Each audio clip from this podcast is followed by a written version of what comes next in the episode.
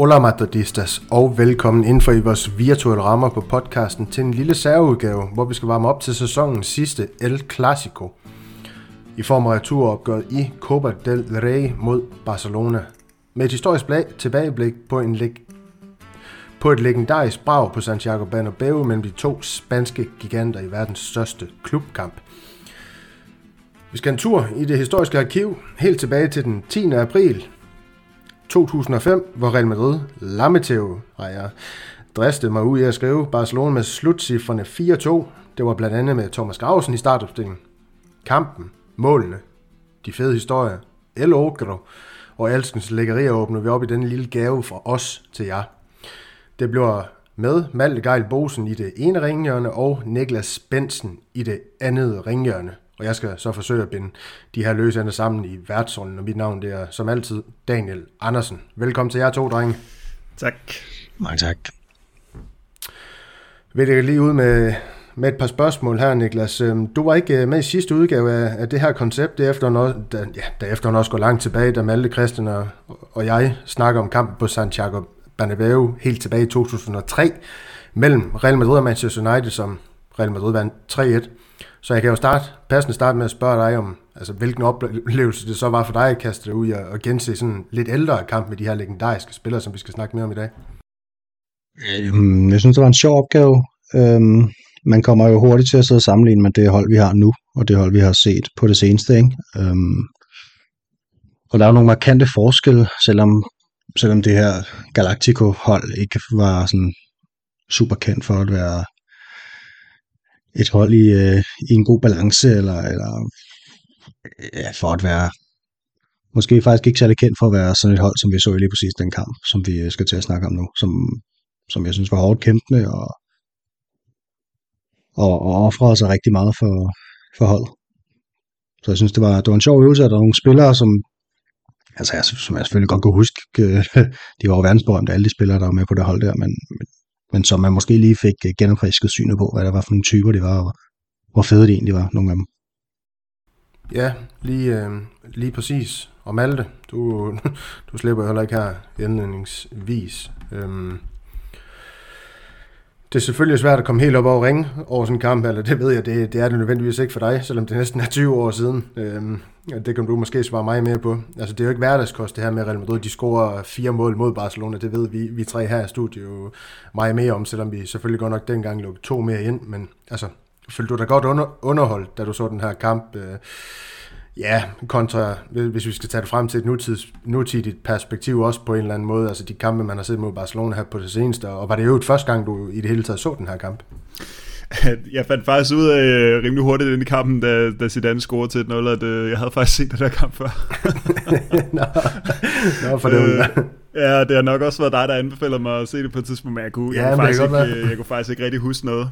Øhm, så, så helt tilfældigt, så, øh, så, så havde jeg faktisk set den før, men, øh, men ja, jeg var da underholdt, fordi det, jeg synes altid, det er sjovt at se, øh, altså for mig er det jo sådan et, øh, det, altså jeg har jo ikke øh, øh, minderne for den her periode, ligesom øh, som I har, så øh, fordi jeg var, jeg var lige fyldt 11, øh, da den her kamp den start, øh, spil, blev spillet, eller også var jeg lige ved, jeg, jeg var nok i virkeligheden, jeg fyldte 11 en uge senere, må det have været. Så, øh, så, så for mig er det altid bare sådan et, et ekstra kapitel til min viden, når jeg ser, øh, ser de her spillere, så er det jo så også øh, lidt sjovt det her med, at det er jo en, en kamp i 2005, så, så som Niklas siger, så, så kan det ikke rigtig have været symptomatisk for, øh, for hvordan det her Real Madrid-hold var på det her tidspunkt, i og med, at vi ikke havde vi ikke rigtig vandt noget i den periode her, og, og rigtig mange af de her spillere faktisk er væk.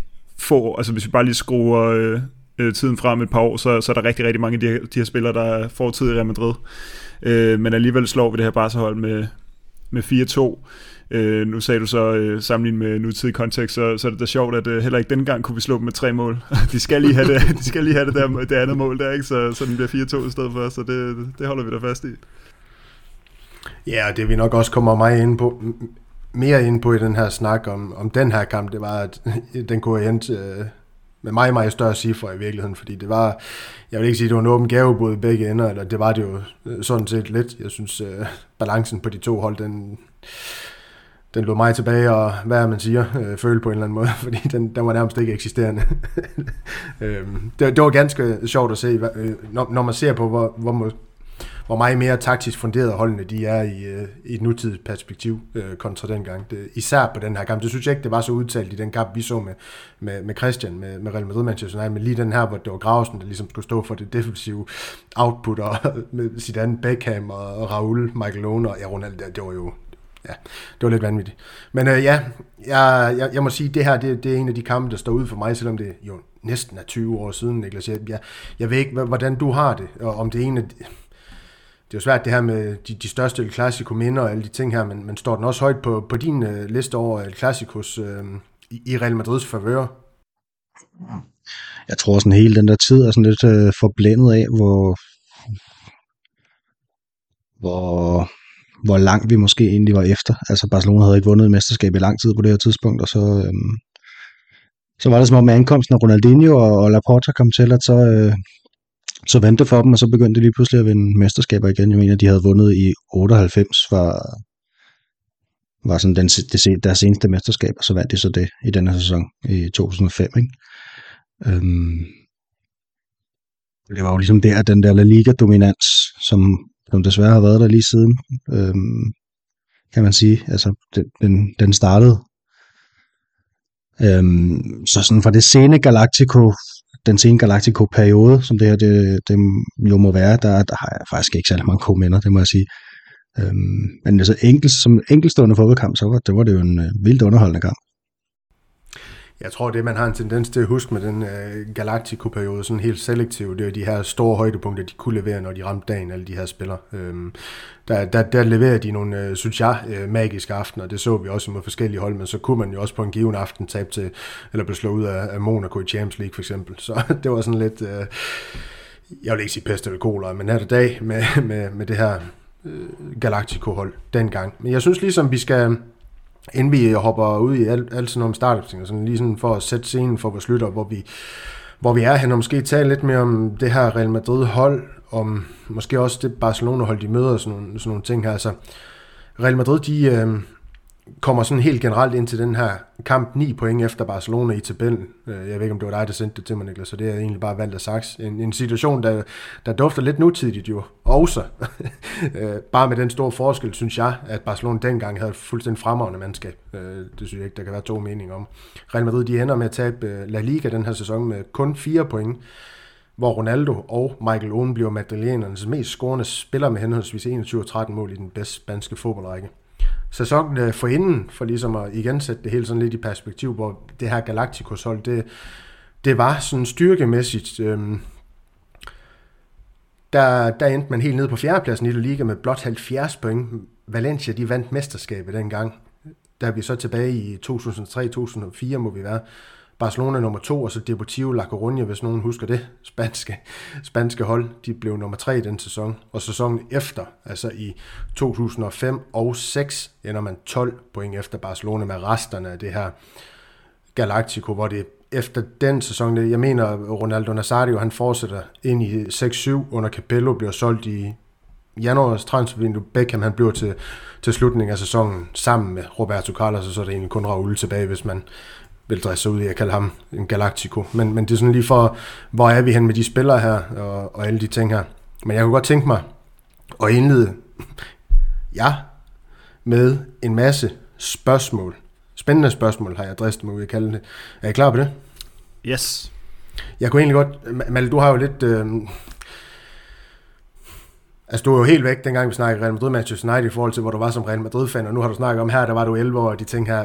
Var du Real Madrid-fan på det tidspunkt? Øh, var du fodboldfan? Øh, Øh, kunne du bare lide at se fodbold? Øh, det hele det var måske lidt mere uskyldigt for dig i virkeligheden. Ej, jeg var fodboldfan, øh, ja. og jeg kan huske, jeg kan faktisk godt huske en avis, hvor der står, at Grausen han bliver hentet til Real Madrid, uden at jeg rigtig øh, havde... Øh, jeg, jeg kan huske, at jeg helt klart havde billedet af, at Real Madrid var verdens bedste hold, men ikke at jeg sådan rigtig var fan af dem, men havde så stor beundring for dem. Det var sådan, øh, det, sådan jeg opfattede det, da han blev hentet i, i januar 2005, Grausen, så det er jo lige nogle måneder før det her, så derfor kan jeg huske meget præcist, at jeg ikke havde den der kæmpe fan-ting med, med Real Madrid, som jeg fik øh, nogle år senere. Øhm, jeg tror faktisk, jeg holdt med Juventus på det hold, hvis jeg virkelig, øh, på det tidspunkt, hvis jeg virkelig skulle holde med nogen, og det tror jeg egentlig bare bundet i noget Pro Evolution Soccer, jeg spillede på det tidspunkt, jeg godt kunne lide øh, Del Piero for, for Italien og for Juventus. Øhm, så nej, ikke, øh, ikke sådan rigtig øh, øh, Real Madrid-fan, men, men alligevel er der mange af de her spillere, jeg, jeg, kan, jeg kan huske ret tydeligt, fordi jeg kan godt huske, øh, jeg husker øh, de landsholdsslutrunder, der er um, i de her år meget tydeligt, altså VM 2006, 2002, EM 2004 og sådan noget.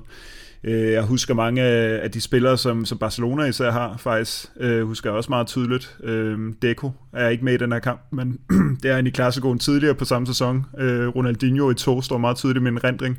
Hvorimod faktisk, at øh, nu snakker du lige om, om at øh, Raul han bliver der som den eneste Galactico, han røver først i 2010. Men hvis vi tager det her hold og tager øh, de starten 11, så er der faktisk ekstremt mange af dem, der forsvinder lige omkring 2006-2007. Roberto Carlos slutter i, i 2007, ikke? Parbon røver ud på det tidspunkt, Helge Uetter. Øh, Beckham har du lige været inde på, Gravesen rører jo også, øh, det, var, det var så sæson efter det i 2006, Zidane stopper i 2006, Ronaldo rører der i januar, Owen rører faktisk allerede i 2005. Så der er sindssygt mange af de her spillere, der er bare forsvundet, øh, og derfor er, der, er de, de er jo heller ikke sådan med, da jeg sådan rigtig begynder at, at se fodbold, og især blive stor øh, Real Madrid-fan. Øhm, så, så på en eller anden måde er der lidt mere genkendelighed faktisk for mig og, og Barcelonas hold, hvilket egentlig også faktisk giver mening, når vi, når vi kigger på, på gennemsnitsalderne på de her hold, fordi den er jo ret høj for Real Madrid. Øh, nu kan jeg, jeg har noteret det et eller andet sted, men jeg tror, det er sådan noget 27,8 eller 28,6 eller sådan noget. Den er, den er ret høj, altså Carlos og Zidane og Figo og alle de her spillere, de er jo, de er forholdsvis gamle, mens at mange af Real Madrid, eller Barcelona spillere er spirende øh, og, og en del yngre end, end Real Madrids hold på det her tidspunkt. Jamen, så har du jo ligesom fået sat scenen, Malte, for hvor du var henne som Real Madrid-fan. Niklas, jeg, jeg ved jo, vi to, vi er, det minder du mig i hvert fald om, øh, af, af jævnaldrende. Øhm. Og jeg ved ikke, om du var det samme sted som mig, som, som Real Madrid-fan på det tidspunkt. Det formoder jeg jo i virkeligheden, øh, du var. Øhm, men, men kan du ikke lige tage os lytter igen, hvor, hvor du var som Real Madrid-fan? Det kommer selvfølgelig an på, altså, hvor du var. Men, øhm, jeg var i Nordjylland. Ja, det var jeg ikke så. øhm, mm. Jo, men jeg var jo, øh, hvad var jeg, jeg var 16 år, da den her kamp den blev spillet, og, øh, og øh, jeg tror, når man er 16 år, så er man ikke lige så dedikeret til en klub eller et hold, som, som man måske er, når man er 25 eller, eller 30, sådan var det i hvert fald for mig. Men jeg var, jeg var, øh, jeg var Real Madrid-fan, og, øh, og ikke fan af nogen andre som sådan. Øhm, og jeg kan huske, at, at den eneste øh, fodbold, tror jeg, har med navn bagpå, det er Roberto Carlos fra den her sæson. Øh, der var inde i, i, i Unisport på Vesterbrogade, lå det dengang i øh, København, og købe en langærmet øh, Roberto Carlos trøje med, øh, med Champions League øh, emblem på ærmerne. Øhm, så han var sådan den helt fede for mig dengang. Øhm, og han kommer også med nogle, altså han, laver, han har også øh, i hvert fald et rigtig sådan et highlight i den her kamp, ikke, som man tit ser øh, på YouTube, når man, når man sådan skal se Classico highlights, så kommer den tit frem, den der, det, det, den assist, han har her. Øhm, og selvom han var, han var jo, den var 32 år, den her kamp, han spillet, så var han jo bare lynhurtig stadig, altså. Det var, men det kommer vi nok tilbage til. Øhm, men jo, jeg fulgte holdet tæt, og, og var med i alle Champions League-skuffelserne i de år der, som startede året før med Monaco, og bare fortsatte i, i en evighed, ikke? indtil Mourinho han kom til og, og rettede lidt op på det. Øhm, vi røg jo også ud af, af Champions League det her år. Der var vi lige røget ud til Juventus, Maltes øh, yndlingsklub øhm, vi har været et par uger for enden måske, ikke? Og, og lige røget ud af, af, af, af pokalen også, tror jeg, til, til, til Valladolid faktisk. Øhm, så, det, så det var jo en skidt periode, selvom at, selvom at, at, at man trods alt halede ind på Barcelona i den her periode. Ja, det er der ikke uh, no, nogen som helst tvivl om, uh, Malte. Jamen, jeg kunne godt tænke mig at spørge dig, Daniel, fordi det er jo dig, der sådan lidt øh, valgte den her kamp. Er det ikke rigtigt? Altså, var det ikke dig, der sådan lagde den ud, så, jo, så hoppede det, vi bare på og sagde ja tak. Øh, hvordan kan det egentlig være, det, altså, hvordan husker du sådan den her kamp? Hvorfor er det lige præcis den, der sådan skal bruges som optag til det her øh, Jamen, klassiko?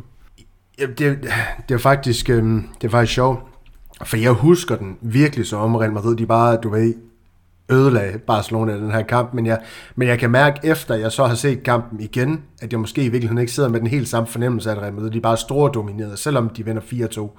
Fordi det er jo det her med igen, hvordan husker man øh, fortiden øh, så langt tilbage. Ikke?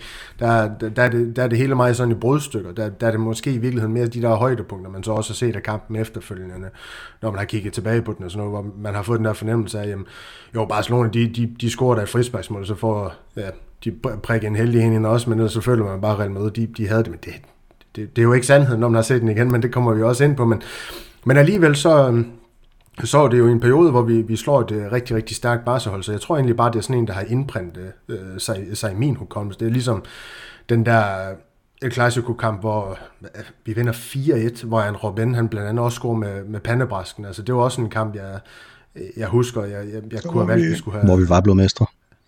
Ja, ja, lige præcis, som vi skulle have snakket om, men, men det er de der kampe for nulleren, jeg selektivt vælger at huske, og så husker jeg så ikke uh, nedsmeltning. det, det, det, ja, vi skal prøve at tage, ja, ja. tage, den, det, tage den der, øh, det der 6-1 nederlag til Zaragoza, eller 5-1 til Mallorca, eller sådan noget en dag. ja. Og se, hvordan det går. ja, det kunne godt nok være en pinsel at, at komme igennem på en eller anden måde, men, ja. men jo, det er egentlig derfor, og, og modsat nok i virkeligheden Niklas, så var jeg, altså, Altså, det var Real Madrid og intet andet. Altså, jeg var, jeg var nok det, man kalder sådan lidt en psyko.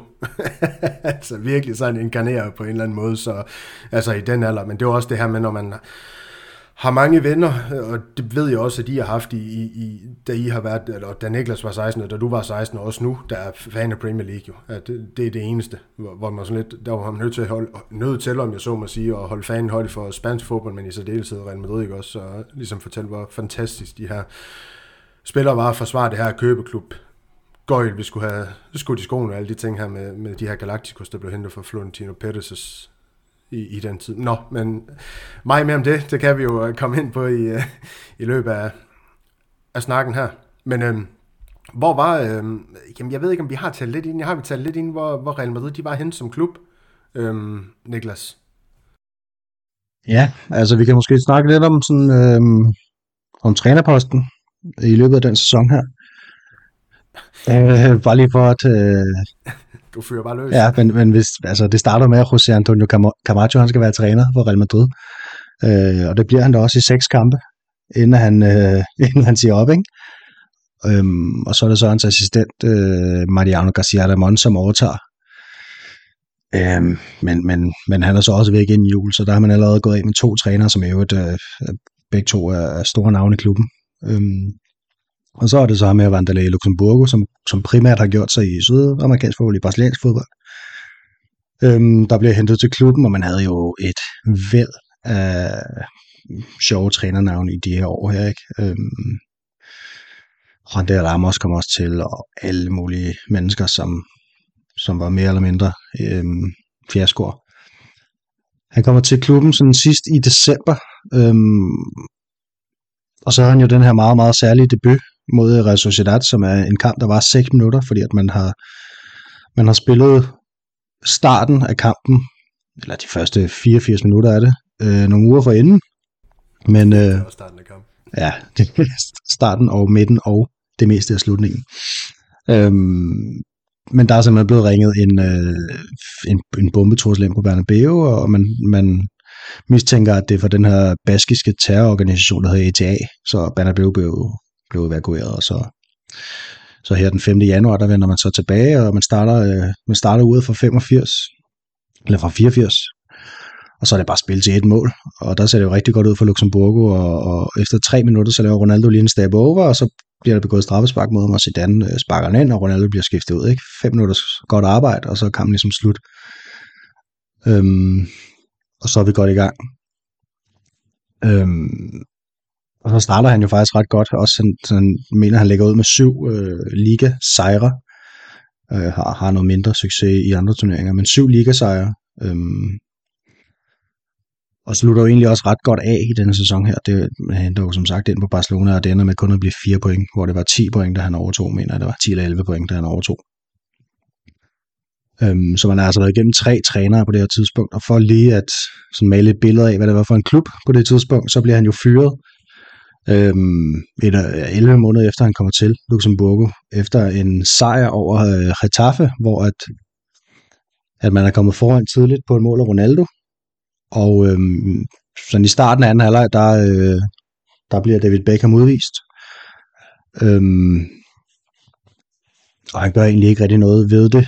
Øh, Luxemburg, han skifter ikke ud eller noget som helst, fordi han har sat øh, Baptista ind i pausen i stedet for Robinho, og, og hvad har man alligevel derude, der, der egentlig kan stabilisere det her hold, ikke? Der, altså, stabilitet var jo ikke uh, sådan et keyword, tænker jeg, på deres, uh, på deres møder mellem, uh, mellem Florentino Pérez og Vandalay Luxemburgo.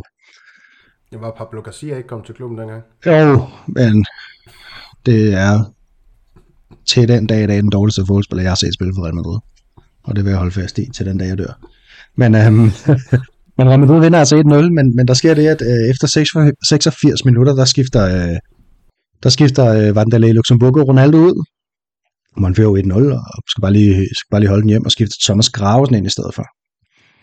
Øh, og det synes øh, Florentino Pérez var en super dårlig idé, fordi at øh, folket på Bernabeu, de vil gerne underholdes, og øh, Luxemburgo mener, at øh, man skal prøve at vinde kampe først og fremmest. Øh, så det ender simpelthen med, at de, øh, de bliver uvenner, de to, og han bliver fyret. Øhm, og det var jo ikke fordi, at det gik sådan super godt for Real Madrid. De lå, nummer 5 så 14 kampe. Øhm, 6 point efter Barcelona allerede på det tidspunkt. Men det siger, det siger meget godt øh, noget om, at, at Pedersen også har lært noget, at Pedersen måtte jo også gå af. Øh, hvad er det, tre måneder senere, ikke? Og så var hans første præsidentperiode øh, slut, så, så det var en meget, meget turbulent tid, det her, at, at den her kamp blev spillet i. Øhm, sådan for Real Madrid, og, og der skulle ske noget, som Malte også siger, så blev der også skiftet ud i, i stor stil på holdet bagefter, og der kom en ny præsident til, som havde en helt anden idé om, hvordan man skulle købe ind øh, men Florentino Pérez havde i sin første periode, og også i starten af sin anden periode. Øh, så der skete rigtig meget i Real Madrid, og, og det var sådan lidt usikkert det hele. Men, men man havde selvfølgelig stadig nogle gode spillere tilbage på det her tidspunkt. Ja, helt bestemt, og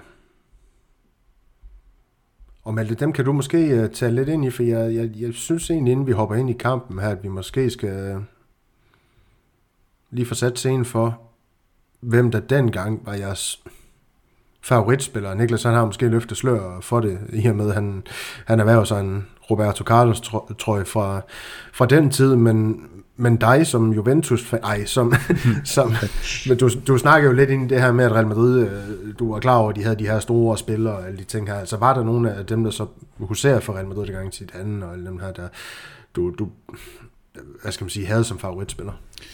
Ja, men øh, Zidane kan jeg godt huske meget tydeligt øh, fra, fra min barndom. Han var jo et kæmpe, kæmpe navn. Ronaldo naturligvis også, fordi han er, øh, ham og Carlos er begge to meget symptomatiske sådan for min øh, vej ind i fodbolden med, med VM i 2002. Øh, sammen med Ronaldinho i øvrigt faktisk også. Ikke? Øh, så de to øh, er selvfølgelig store navne for mig. Øh, Casillas, altså også. Øh, og det, det, nu snakker du om før, Daniel, det her med, at, øh, at der er mange af, af vores, eller i hvert fald mine venner, der er Premier League-fans, men faktisk dengang jeg begyndte at følge med i fodbold og, og rigtig blive Real Madrid-fan, der var det faktisk utrolig meget centraliseret omkring spansk fodbold, sådan i min øh, folkeskole og sådan, så, så det var ikke engang fordi, at øh, der var sådan overvældende øh, hvad hedder det, interesse for, for Premier League, så derfor så fik jeg også øh, nogle stærke holdninger til mange af de her spillere, sådan noget som Ronaldinho, fordi så var der Barcelona-lejren, og så var der Real Madrid-lejren, ikke? og, og, øh, og alt det her, øh, de her, de her interne hvad hedder det, konkurrencer, der var øh, senere med Victor Valdez og Casillas, hvis man overhovedet mener, det kunne være en konkurrence. Øhm, og, og, og senere og med Messi og sådan noget, men også med Ronaldinho på det tidspunkt, og Ronaldo, og Ronaldo, der havde været i Barcelona og sådan noget. Så der var egentlig ret mange af de her spillere, men jeg vil sige, det er sjovt, når jeg tænker tilbage på det, det, det var de spillere, der blev handlet. Altså det var mindre Raul, der fyldte i mig på det her tidspunkt. Øh, han var sådan en, jeg forbinder med, da jeg begyndte at blive rigtig øh, hardcore Real Madrid-fan, der var han der stadigvæk øh, men, ikke, men ikke fra min sådan... Øh, og det kan også godt være, fordi det her, jeg siger med, med, med, med, med landsholdsturneringerne. Altså, jeg, jeg har ikke rigtig nogen minder med Raul på, på det spanske landshold sådan for, for alvor. Jeg har med Hierro, for eksempel. Øh, også VM 2002, da de råd til Sydkorea. Jeg kan ikke rigtig huske Raul, så på den måde, så tror jeg, at, at det var de her store spillere, der ligesom var blevet handlet, og så derfor kunne man, kunne man huske dem. Så, så spillere som Beckham og, og Zidane og de brasilianerne, jeg nævnte før, de, det var sådan nogle, der fyldte, der fyldte meget for mig på det tidspunkt. Ja, Niklas, øh, var der andre for dig uover Carlos og Francisco Pavon? Pavon, jeg er jo med til Pavon og Zidanes. Nej, øh, jamen det var nogle af de samme, altså. Udover at jeg rigtig godt kunne lide Raul også. Øhm, ja, specielt Zidane og Ronaldo, og, og Raul og Casillas og Roberto Carlos, det var, det var dem, jeg, jeg holdt mest af på det hold der. Ja, jamen, jamen ganske glimrende, og skal vi så ikke... Uh, jeg synes, vi skal hoppe hop lidt dybere ned i kampen nu. Altså nu, nu, nu går vi til, til startopstillingen, ligesom det vi har, har bakket lidt op til. Nu synes jeg ligesom vi, synes ikke, det har vi ikke fået sat scenen fint, og så kan vi ligesom tale, tale lidt mere ind i det, det synes jeg i hvert fald, øh, Malte. Jeg kunne lige tilføje en lille sjov ting, bare fordi øh, hvis man hører øh, Sid Lowe's øh, øh sp- spanske fodboldpodcast for tiden, så, så er de begyndt at lave sådan nogle, øh, nogle neddyk i nogle gamle sæsoner, hvor de ligesom sætter scenen på sådan en lidt sjov måde. Og der, øh, der kiggede jeg lidt på, på hvem der blev topscorer i den her øh, sæson, bare så man sådan blev peget lidt mere måske ind på, øh, hvad for en tid det var. Øh, fordi i denne sæson er det jo Diego Forlan, der bliver, der bliver topscorer i La Liga, og det er altså første gang, vi rigtig får set Diego Forlan, fordi han kommer altså direkte fra Manchester United, og så rører han, øh, altså hvor han har været en kæmpe fiasko, ikke? og så kommer han direkte til Villa, eller er det ikke Villarreal, han spiller i? Jo, det er det. Øh, og kommer direkte ind og bliver, og bliver topscorer. Og hvis man så kigger på, på resten af listen, så er det altså nogle ret store navne. Udover at der selvfølgelig er Ronaldo, Ronaldo øh, Nazario naturligvis, og Michael Owen og, og Samuel Eto'o i, i top 10, så har vi også øh, Julio Baptista, som Niklas nævnte før, som bliver hentet til Real Madrid i sommeren. Øh, og på, på 15 mål ligger både øh, Riquelme, som er udlejet fra Barcelona på det tidspunkt til Villarreal, Maxi Rodriguez, som man måske også kan huske, og så David Villa, som, som spiller for Real Zaragoza. Der går altså fem, fem sæsoner herfra til han, til han rører til Barcelona. Det synes jeg også var lidt sjovt, at han allerede lavede så mange mål for Zaragoza. Det var på en eller anden måde ikke rigtig sådan ja, det var ikke rigtig noget, jeg huskede, og så øh, en, øh, en kun 21-årig øh, Fernando Torres laver øh, 16 mål for, for Atletico Madrid. Så det, der, altså, der er mange store navne på det tidspunkt, eller i hvert fald spillere, meget unge spillere, der bliver meget større, øh, store sådan, senere hen, så det var bare lige for sådan at, at, at, at, at, at snakke lidt ind i tiden. Ja, og det er jo det her med, som du jo også fornævnt, det her med, det er ikke en David Villa i Barcelona eller Valencia, det er en David Villa i, Saragossa, også, at det er en Maxi Rodriguez, der ikke spiller i Atletico Madrid endnu. Han spiller i Espanyol, Fernando Torres i Atletico Madrid, som ja, er ganske ung. Jo. Du har Riquelme, som du nævner, Baptista i Sevilla, der ja, Real Madrid, de, de henter øh, ham her, Ricardo Oliveira fra, fra Betis, som også er rigtig mange, rigtig mange klubber også repræsenterer i den her top 10, du er inde på, Malte. Ja, og, så, og, og for at det ikke skal være løgn, så er de spillere, der rent faktisk får spilletid for, for Real Madrid denne sæson, der har vi en øh, 22-årig Alvaro Abaloa, der får øh, fire kampe fordelt i La Liga og Copa del Rey. Vi har Juan Fran, som vi ender med at ja, han ender med at spille en, øh, en fin karriere hos Atletico Madrid, og blandt andet for Real Madrids vedkommende brændede ret lækkert strafspark i en, øh, en, en strafsparkskonkurrence i, øh, i Champions League-finalen. Ikke? Roberto Soldado får nogle kampe for Real Madrid, og så har vi jo øh, ingen ringer end, øh, ja nu skulle jeg til at sige, i truppen, Jonathan Woodgate, men han er faktisk ikke indskrevet, men han er altså, øh, ja han er vel teknisk set Real Madrid-spiller på det her tidspunkt. Og så Ruben de la Red, som jeg ved, du vil med, Daniel. Han er også kun 21 år og får kampe på det her tidspunkt. Og, øh, og Diego Lopez er med i førsteholdstruppen i nogle omgange. Der går altså 11 år eller sådan noget på det her tidspunkt, for han, øh, han ender med at slå selv sammen kan, ikke kan sige så øh, er holdet. Ikke? Det, er, det, er, altså, det er lidt sjovt. Jeg synes i hvert fald, det er lidt sjovt, at så mange spillere, som rent faktisk får et navn sådan inden for fodboldverdenen. Altså hvis vi, hvis vi sammenligner med de seneste øh, 5-6 år i, i Real Madrid, Øh, og en lignende spiller, så er der sådan noget José Rodriguez, som bare forsvandt fuldstændig, Alvaro Medran og sådan noget. Altså det er jo ikke, øh, det er ikke fordi, det peger imod, at, sådan, at det er sådan nogle spillere, der rent faktisk kommer op og spiller Champions League-finaler for store Premier League-hold, og ja, måske lige Soldado ikke er det helt store navn, ikke? Men, men stadigvæk synes jeg, det er lidt sjovt. Man siger for os uh, debut i den sæson her, ikke? for Barcelona. Altså en PFR-spiller er ikke i truppen til det her klassiko, men han, øh, jeg, jeg, jeg, jeg tror, han får fire kampe eller sådan noget i ligaen. Og primært med anholdet, men øh, men han fik sin debut i oktober 2004 for Barcelona. Så det er nogle store kanoner, nogle af dem. Ja, og dem kan vi jo så lukke ned for omgående. Kom til at, at tale, tale, tale noget mere om nu. Altså jeg, jeg synes, vi, vi kan gå igennem de her holdopstillinger, så kan jeg prøve at lægge op til nogle ting. Altså, for Real Madrids vedkommende, der var det Casillas på kassen, det var Terrieren på højre bakken i Michel Salgado, så det det her midterforsvar med El Guerra og Pavon, og så Carlos på, på bakken. Det var Graversen og, og fem offensive spillere i Beckham, Zidane, Raul, Michael Owen og Ronaldo i den her kamp. Og her kan man da tale om, at øh, ja, den kære Luxembourg, han, øh, han spiller offensivt, øh, Niklas. Øhm, for Barcelona, der var det Victor Valdez, en ganske ung Victor Valdez, han kan Niklas øh, måske øh, rose mig mere. Øh, jeg ved, at øh, du godt kan lide hans sådan generelle holdning ikke, Niklas, på banen? Åh, oh, han er en fin fyr. Ja, lige præcis. Fin, Belletti, Oligier, Pujol, Van Bronckhorst i forsvar, så var det Marquez på den defensiv med Iniesta, Xavi foran ham, Chili, Ronaldinho og to øhm, helt frem fra, eller for Barcelona, undskyld. Inden vi, øhm, inden vi måske snakker lidt mere Real Madrid og overvejelser om, om, om de her spillere og startopstillingen, så kan vi så ikke lige øh, dvæle lidt ved, ved det her Barcelona-hold. Øhm, Malte, sådan, jeg ved ikke, om, om du er den rigtige at, indlede spørgsmålet, øh, altså indlede den her snak med, men det, det tror jeg alligevel, du kan være, fordi du, du kender din historie, du, jeg ved, du også har læst en masse op, og du har jo selv været inde på de her spillere som Ronaldinho i to, men øh, altså Frank Rijkaards øh, Barcelona, hvad,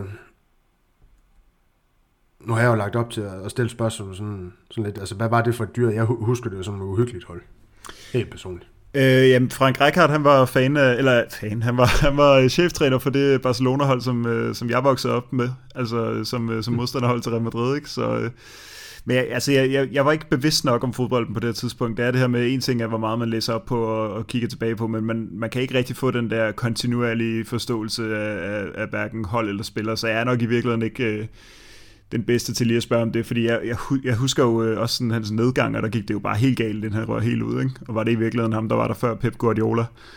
Øh, men, øh, men, men spillerne, altså Ronaldinho forbinder jeg meget tydeligt med, med Frank Rijkaard egentlig, og det, og det er jeg faktisk ikke engang sikker på, om det er korrekt. Jamen det er det. Men Niklas, kan du så ikke uh, tale lidt mere ind i det, måske, og så også uh, måske komme lidt ind på, hvad for nogle spillere det var, vi frygtede dengang for det her Barcelona-hold. Uh, der var jo selvfølgelig de åbenlyse i Ronaldinho, der altid havde en fest mod Real Madrid, og måske også i nogen grad Samuel Eto'o. Og det havde øh, Ronaldinho jo faktisk ikke rigtigt i den her kamp her, men, øhm, mm. men det, hele, altså, det var jo meget nyt, fordi Barcelona havde jo været ret svage indtil 2003, øh, som nævnt før, hvor Ronaldinho han kommer til. Og, og, og det her hold kom jo til at toppe øh, sæsonen efter, da de vinder Champions League finalen over Arsenal, øhm, og også vinder mesterskabet i øvrigt. Men det var jo det, det andet Dream Team, det, de havde i Barcelona, de havde i 90'erne med, med Johan Cruyff, og så havde de det her i, sådan i midt-00'erne med, med Frank Rijkaard, og så fik de et senere hen med Pep Guardiola, øhm, som der blev talt meget om. Og det, jeg tror måske i virkeligheden først snakken sådan rigtig gik på, på de her tre Dream Teams, eller på, på at Rijkaards også var Dream Team, da, da Pep Guardiola også kom til. Øhm, jo, det, det, var, det, det var sådan et hold, der kom bravende, ikke? og de havde nogle virkelig gode individualister i sådan en, en mand som Ronaldinho og Samuel Eto'o, og så havde de en, en, en hårdt arbejdende og lynhurtig, og, og en mand, der tog sindssygt mange gode løb i, i Chili på, øh, på højre kanten, som også, som, altså fart har altid været øh, giftigt øh, for Real Madrid, synes jeg. Det, her, det har vi altid været sårbare over for, den der, de der små hurtige spillere der. Det var vi altså også dengang, og han var bedst til at løbe lige ud, men Øh, men det gik alligevel. Øhm, og så en fremadstående øh, Iniesta og, og Xavi, så vidt jeg husker, begyndte også først rigtigt at bide sig fast der. Han var sådan lidt en late bloomer ikke, i forhold til, til Iniesta. Og så er der Bronkhorst, Giovanni van Bronkhorst på venstre bakkam, så jeg øh, fem år før den her kamp her, så jeg ham på Følge Stadion, hvor han spillede for øh, Glasgow Rangers i en Champions League kvalifikationskamp. øhm, det er bare lige en personlig en. Øhm, og ja, så, så også sådan en, en ung Victor Valdez, så det var jo, mange af de her spillere kom jo til at spille sammen i lang tid, og Ronaldinho, han var jo, altså på det her tidspunkt var han den bedste spiller, jeg har set, tror jeg. Ham og Zidane, ikke? Det var de to. Klart. Øhm, det varede heldigvis ikke så lang tid med Ronaldinho, som, som det har gjort med andre efterfølgende. Men, øhm, men, men det, var, det var også en spiller, så selvom man, man holdt med Real Madrid, så blev man jo nødt til at sætte pris på det, han gjorde nogle gange. Ikke? Altså han lavede de, de mest sindssyge ting. Øhm, han har også de her kampe mod Chelsea. Man kan huske, hvor at, øh, den ene af dem, hvor at, øh, John Terry han bare må sætte sig ned. For det, altså, det var så kropstærk, han var Ronaldinho, at han bare løb ind i John Terry, og så, så væltede han bare som et træ. Altså, øhm, og, og, og man kan sige, hvis, hvis jeg skal sammenligne det lidt med, øhm, med det senere Pep Guardiola-hold, så var det jo altså så var det ikke lige så gode. De var ikke lige så dominerende på bolden. Man sad ikke og frygtede dem lige så meget, som man gjorde med det hold, synes jeg. Øhm, der var ikke lige så tydelige optegninger i deres øh, midtbanespil. Det var, det var øh, Rafa Marquez, der spillede øh, defensiv midtbane her. Han spillede også i centerforsvar øhm, for Barcelona, men men jo, der var, de, de var gode den her gang, og det var svært at hamle op med øhm, i det lange løb, som det også senere har været. Øhm, men ja, som, som, som Malte også siger, så er det Pep Guardiola, der tager over på et tidspunkt, hvor de, hvor det også er overstået, altså så, så, så har de ikke med i sig, hverken Frank Rijkaard har ikke med, og Ronaldinho bliver også skibet afsted lynhurtigt der, ikke? Øhm, men lige de der, lad os sige, to-tre år der, der var de, der var de rigtig, rigtig gode. Og også bedre end Real Madrid, og Real Madrid havde jo på, tids, på det her tidspunkt havde de ikke det der i sig med at lave comebacks. Altså, det, det, altså i de her år her, det kom, man kan sige, det kom lidt uh, to år senere, eller hvornår det var, ikke? Men, men det var ikke, det, det, det var slet ikke det hold, Real Madrid havde dengang. Altså hvis man kom bagud, så tabte man, og også stort, tit. Um, så på den måde var Real Madrid også anderledes. Um, jo, de var, de, var, de var gode Barcelona, også selvom der er nogle spillere, som man jo ikke husker lige så godt i dag, altså sådan en som øh, Beati ude på, på højre bak, mener han lavede sidsten til to i Champions League-finalen året efter. Også Oleg Gea også, som også kommer til at se lidt skidt ud på, på Michael Owens. Han scorede der, ikke? Gør han det? Det er han, der afgør den, tror jeg. Åh, oh, for fanden, mand. Det går godt. Det kan jeg ikke huske. Men, øhm, men jo, det, det, og det var pisse for de kom overhalet. altså Real Madrid var foran dem før det, og, og havde det her store opgør i 2003, øh, hvor Fernando Hierro han også bliver, bliver fyret, kan man sige. Øh, det samme gør Vicente Del Bosque, og så bliver man ligesom sat lidt tilbage, ikke? og så er det, at der kommer den her perlerække af lortetrænere øh, til Real Madrid, hvor, hvor man virkelig bare famler i blinde efter, hvem skal det lige være, og, og der var rigtig meget udskiftning. Øhm, Makalele også. Ja, Makalele også, ikke? Så, så der blev begået nogle fejl der, og heldigvis så er Peters blevet markant klogere siden da. Ja, nu vil sige... Det er lige konservativ nok. Ja, det ja. Lige, lige præcis. Men, øh, men Malte, du, øh, det er jo ikke nogen hemmelighed, vi har set kampen igen. Øhm, og du, du, er jo lidt en, en lille taktiker her, i, øh, her i panelet, så kan du måske ikke lige, altså, åbne lidt op for, hvad det var, vi så så taktisk for de to mandskaber i kampen. Jeg ved godt, vi, vi kommer ind på alt det her med mål og alle sådan ting her, men altså, det var, måske, det var jo også to forskellige stilarter, der i virkeligheden møder hinanden. Vi ser jo også uh, formationsmæssigt, altså Barcelona, de er jo den her 4-3-3 her, øhm, hvor Real Madrid, de er i en, ja, jeg ved faktisk ikke, hvad de er i i løbet af den her kamp. Det virker som om, at øh, Beckham, Zidane, Raul, Michael Owen og Ronaldo, de har lov til at gøre øh, lige hvad de vil, og så skal Graversen bare sidde i, øh, i, i haserne på Ronaldinho, men ja, det kan du måske åbne mig mere op for, hvad, hvad det var, vi så for de to mandskaber taktisk. Jamen ja, altså for det første, så synes jeg, det er meget slående, hvor, hvor meget fodbolden egentlig har ændret sig på, på omkring 20 år. Altså når man ser den her kamp, netop sådan på, på, på grund af manglende, altså sådan taktiske egenskaber. Altså, jeg ved ikke, hvordan jeg skal... Altså det, den her kamp, den, den bølger jo bare frem og tilbage. Der er ikke ligesom øh, de her klassikos, vi har snakket om så mange gange på den her podcast, hvor man sådan kan inddele den i bid, og så så sætter Barcelona sig lidt på spillet, og Real Madrid stiller sig tilbage, og, tilbage, og så nogle gange siger man, at de stiller sig tilbage og venter og trækker luft, ikke? som om det er sådan lidt strategisk. Altså det her, det er bare fuld smad og frem og tilbage, og, det, og jeg vil ikke engang sige, at jeg kunne dele den her kamp op i, i bidder. Altså det, den, den er nærmest, den slutter som den startede, altså og, og det ene hold får bare at score på sin chance, mens det andet hold ikke gør. Øh, og man kan sige, ja, altså formationsmæssigt, så kan man godt snakke om, at, øh, at Barcelona var sådan lidt mere Altså man vidste måske lidt mere, hvor man havde spillerne på banen i den her kamp, øhm, men det ligner jo heller ikke overhovedet øh, sådan et, øh, et, øh, et, totalt tiki-taka-hold, som vi har set øh, siden Guardiola, altså hvor alle spillerne bare positionerer sig fuldstændig rigtigt. Altså det er stadigvæk altså en meget, altså det er helt underligt at se Xavi og Iniesta, eller især Xavi, altså være så dynamisk som han er i den kamp her. Han er selvfølgelig også kun 25 år, men han ligger jo sådan en 8 og bevæger sig ekstremt meget og kommer ud i løbedueller med Roberto Carlos, som vi kan komme tilbage til, at det, det slapper man ikke levende fra, vel? Øh, Øh, og, og med Real Madrid, så er det bare... Altså det er den der, hvis man har hørt den der kliché med, at det, det, det, det er at stille op med, med fire forsvarsspillere, og så en defensiv mand, og så resten er bare frie, øh, har frie tøjler, så er det faktisk nogenlunde det, der sker her. Altså man, øh, man stiller med, med firebakkæden, som du har været inde på, øh, i øvrigt ikke øh, den allermest prominente med, med Pavon og, og Helguera i forsvaret. Altså, det var ret sjovt at se Pavon i den kamp her, bare for, bare for at se ham simpelthen, fordi han er så blevet så mytisk med, med det navn med Zidane, Zidane C. Pavones, ikke? Men, øh, og han, han, han, er jo faktisk, altså han spiller ikke verdens bedste kamp, Pavon, så det kan ikke komme bag på nogen, men, men så det men, her med... Men det er også, men hvis jeg lige må afbryde ja, dig, så kan du snakke videre, det er jo, det er jo virkelig øh, sigende der, fordi det er jo Zidanes, og så er det bare Pavon. Ja. Altså, det er jo ikke engang Pavones, det er bare Sidanes, der er på banen, ikke? Altså, de her verdensstjerner, ja. så ved godt, der er Graversen og Elguera, men det er jo ikke det, man betegner som Pavones, det er jo de her øh, fra fabrikken, men, men det er jo bare ham, der står fuldstændig alene og skal løfte den her opgave med det her akademi, hvor de andre, de bare, jamen det er jo helt, det, ja, det, det er sgu lidt sådan Galle Mathias at se tilbage på. Ja, og så er jo et Pavon, der ikke har spillet, han har spillet én kamp de sidste 12 på det her tidspunkt i ligaen. Mm. Altså han, han er fuldstændig øh, rustning, må han være, øh, og så det er fordi, at vi simpelthen har ingen ringer end øh, Volta Samuel til at spille stort set alle kampe i den sæson. Han spiller 40 kampe, ikke en eneste af dem bliver skiftet ind i. Han er bare fuldstændig fast mand, men han er ikke lige med, det. han er ikke lige med den kamp her. Der er det i stedet for Francisco Pavon. Nå, men, øh, men så er det jo så øh, Roberto Carlos, øh, nej, ikke Roberto Carlos, han, han skaldede ven på midten. Øh, Thomas Grausen, der spiller øh, sekseren, og øh, nu har Niklas lige været inde på at sige, at øh, Ronaldinho, han var kropstærk. Øh, jeg skal lige love for, at han kom i menneskehænder nogle gange med, med Thomas Grausen i den kamp her, fordi han er, han er godt nok kropstærk. Hold da op, altså han bare fjerner Ronaldinho nogle gange. Så er der så også nogle gange, hvor Ronaldinho får drevet lidt gæk med ham, ikke? men så, øh, så får han revet sig tilbage.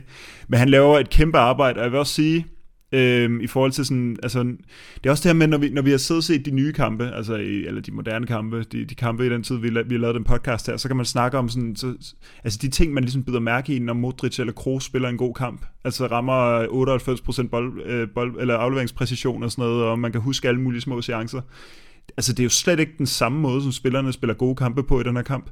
Altså af en eller anden, på en eller anden mærkelig måde, så synes jeg jo sådan en som Thomas Grausen ender med at ligne en af dem, der spiller den, altså noget nær den bedste kamp, fordi, simpelthen fordi han er involveret i så meget godt og laver forholdsvis få fejl, fordi han ikke skal så meget andet end at, end at vinde bolden, og det får han bare lov, lov til at gøre derudaf, fordi at, øh, at, at, at spillet, øh, spillet bølger så meget. Ikke?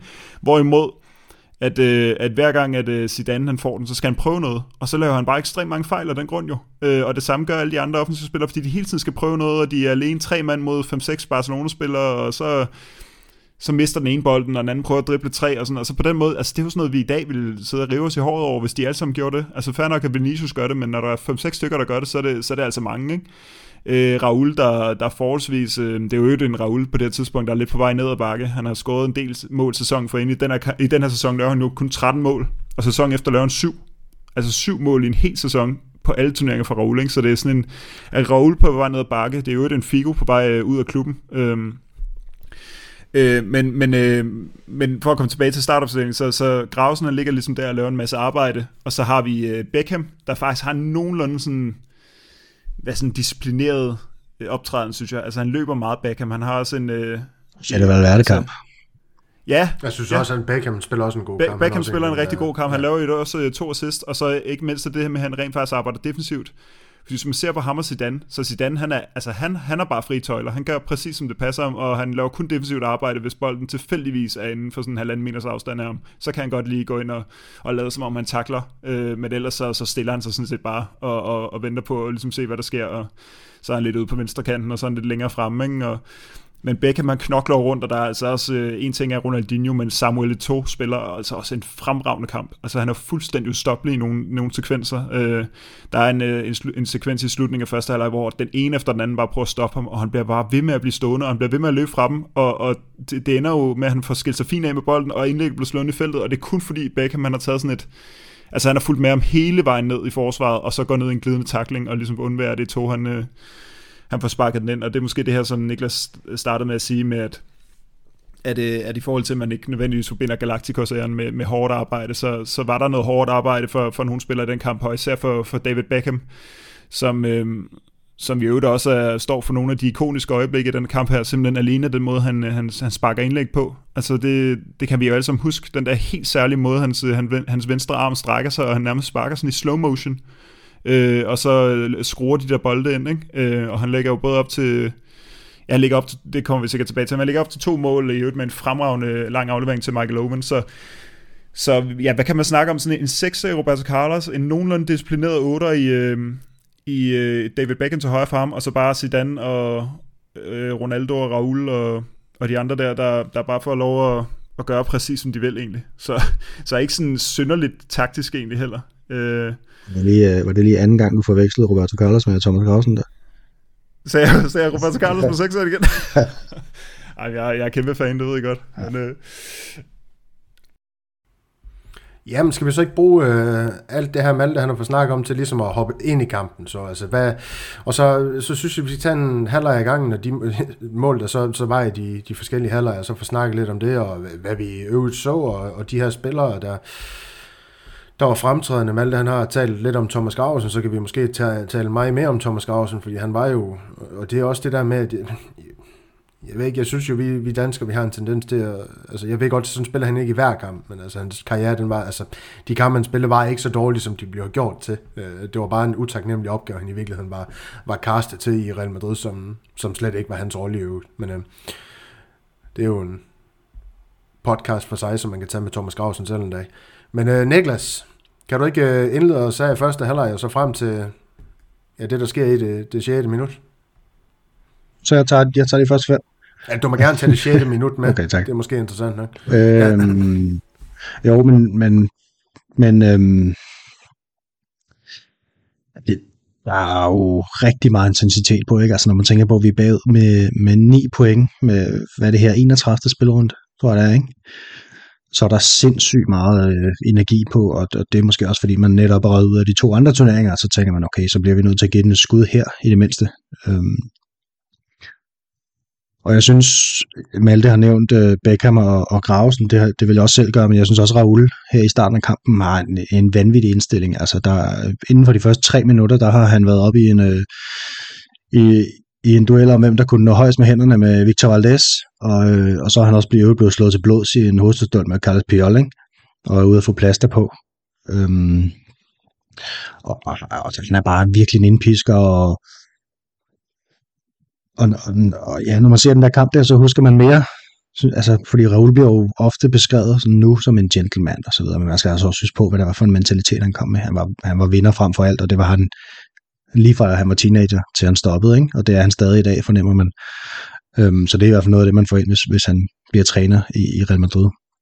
Og også faktisk i, øhm, ja, der, der, på målet, det er jo øh, Ronaldo, der får det på højre siden, og laver lige en lille øh, en lille øh, finte øh, og får, får snørret, øh, jeg tror det er Van Bronckhorst med den, og, og laver et, et, øh, et højt blødt indlæg mod Bærsestolpe, hvor Zidane kommer glidende ind mod, øh, mod bolden og hætter den ind, og, og efterfølgende støder hovedet ind i stolpen simpelthen. Så, så der har vi to spillere med hovedskade allerede der.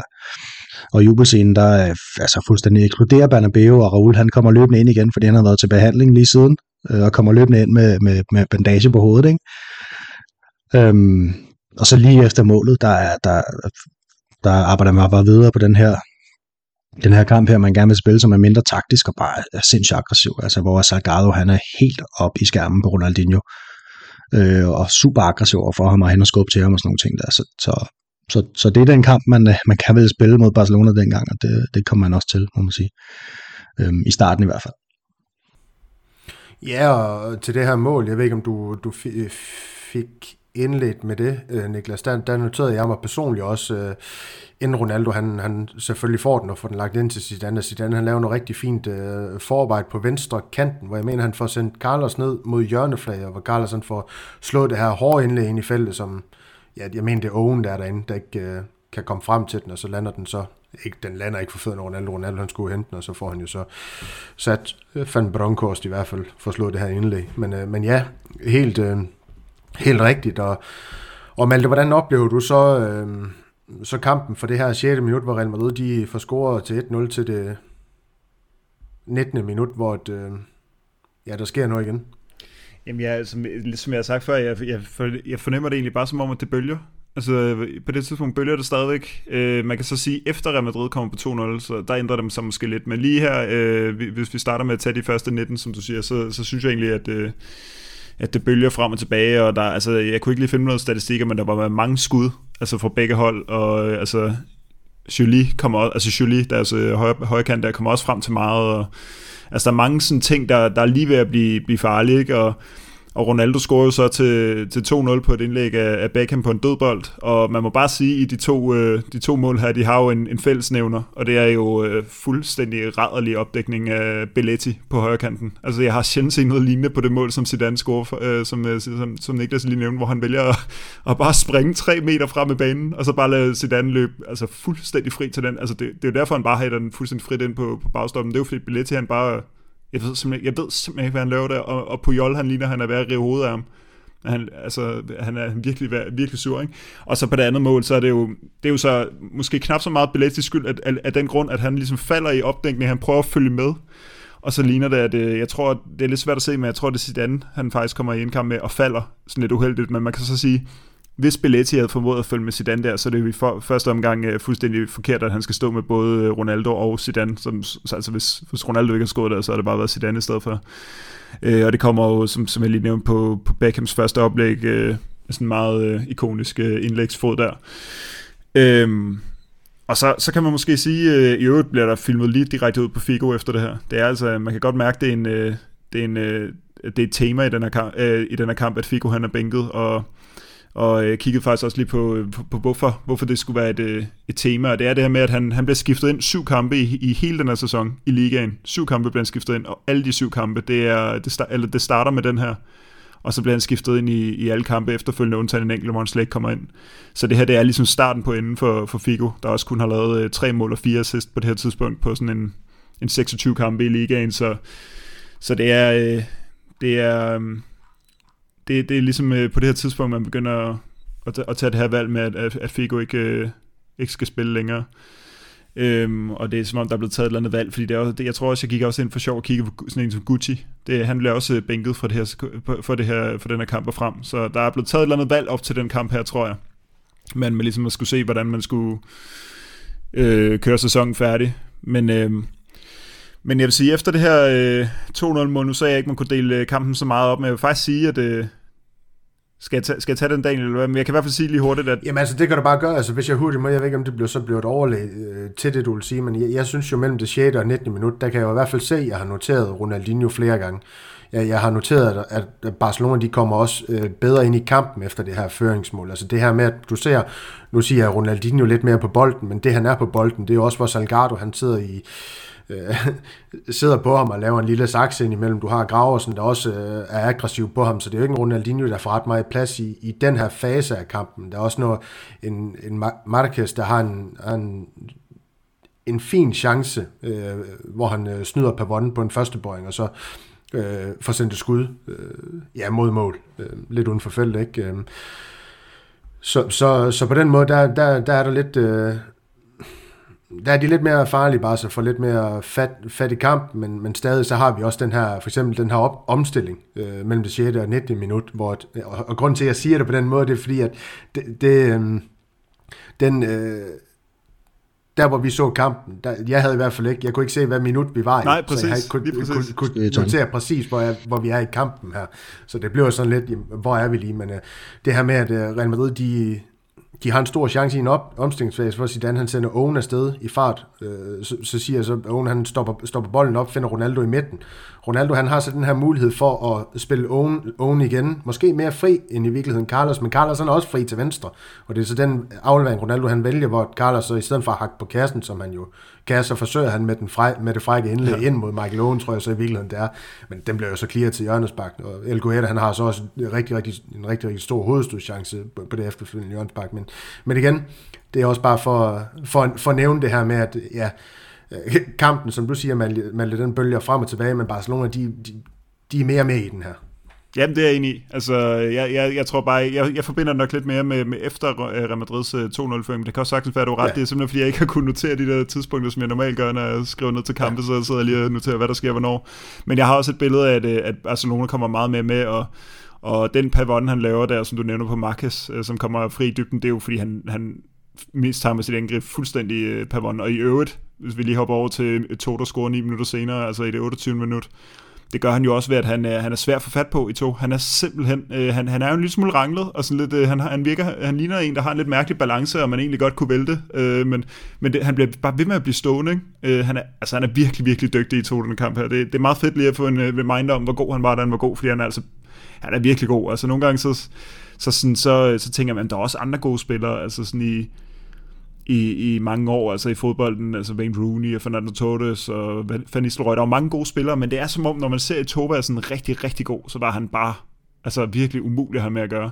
Og det synes jeg også, han virker som om, han er i den her kamp. Øh, han ender jo faktisk med at blive borget ud i anden halvleg. Øh, men det mål, han scorer, der er det også, fordi der er en tre spillere, der ikke rigtig kan få, få ham væltet, og Pavon er presset op, og så er Eto'o bare meget hurtigere og mere snu, og får ligesom øh, øh ja, det, altså Helguera går i en tackling med en øh, Barcelona-angriber, og så lander den sådan lidt på kanten af feltet, hvor Eto'o han så bare er taget løbet, og eftersom Pavon jo er presset op og ligesom står sammen med Eto'o, så når han ikke at fornemme faren, og så øh, får Eto'o prikket den i, igennem nogle Real Madrid-spillere, og så, så scorer han sådan en, på sådan en tårhylde. Det minder faktisk lidt, så vidt jeg lige husker, om et af de mål, han scorer i Champions League-finalen imod Manchester United. Øh, det må så have været øh, nogle år senere, hvor han sådan lige får prikket den ind. Men, øh, han havde mange af de der mål, øh, Eto'o. De der øh, Ja, hvor han bare er hurtigere, ikke? På togen, ikke? Altså, Helt utroligt. Han lavede mange sådan, tommål, og ja, og det, og det, er jo, det er jo, du nævnte, at Xavi var mere dynamisk den her gang. Han, han var sent i sin karriere, og det, det var også ham, der var i, i feltet. Altså han havde taget, han havde taget løbet. Det er Pavon og Grausen, der presser i to. Øhm, og så spiller han den frem mod Xavi, som så t- går i takt med Algata, og så er han bare, er han der bare med det samme med to. Altså, lige så snart, at, at bolden er rørt, ikke? så er han bare, han har kontrol over den og kan, kan prikke den sikkert ind. Så, så, men han var, ja, han var ikke så sjov at spille, at spille imod, øh, tror jeg.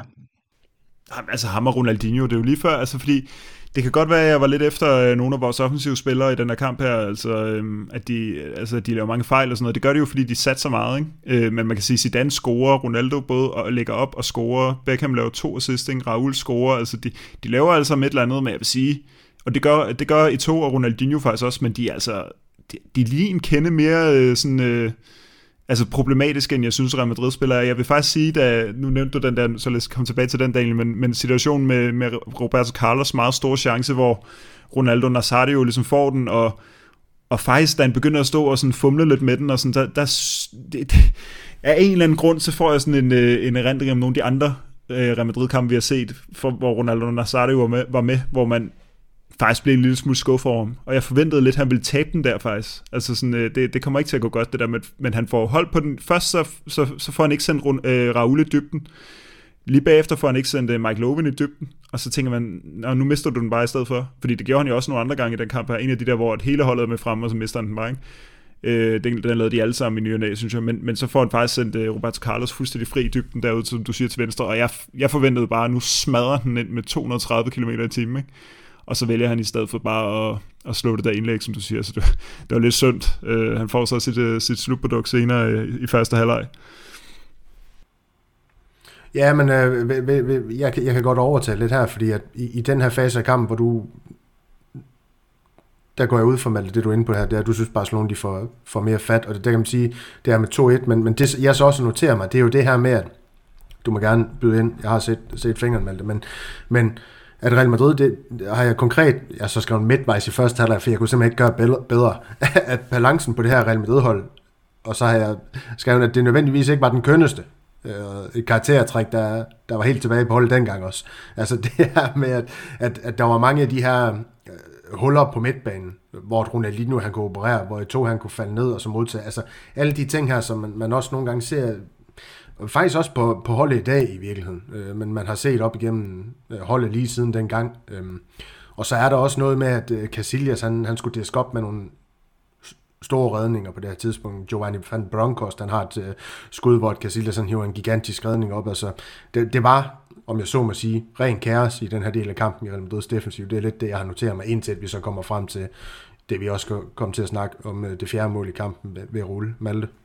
Nå, men det, er, det er markeret, det var faktisk bare for at bekræfte det, du siger, fordi det er også det, jeg har noteret mig, da, da Raul scorede til 3-1, så kommer det øh, efter en lang periode med masser af Barcelona-chancer. Og som du siger, altså som om, at balancen er, er lidt hen i vejret, altså den er jo fuldstændig ikke eksisterende. Altså det er jo bare, øh, det er jo bare øh, Grausen, der bare har fået fripas til at, at, at værsgo og løse, øh, løse det her, ikke? Øh, det, det kan du bare gøre, og hvis du ikke gør det, så får du ikke lov at spille, men det, så det skal du.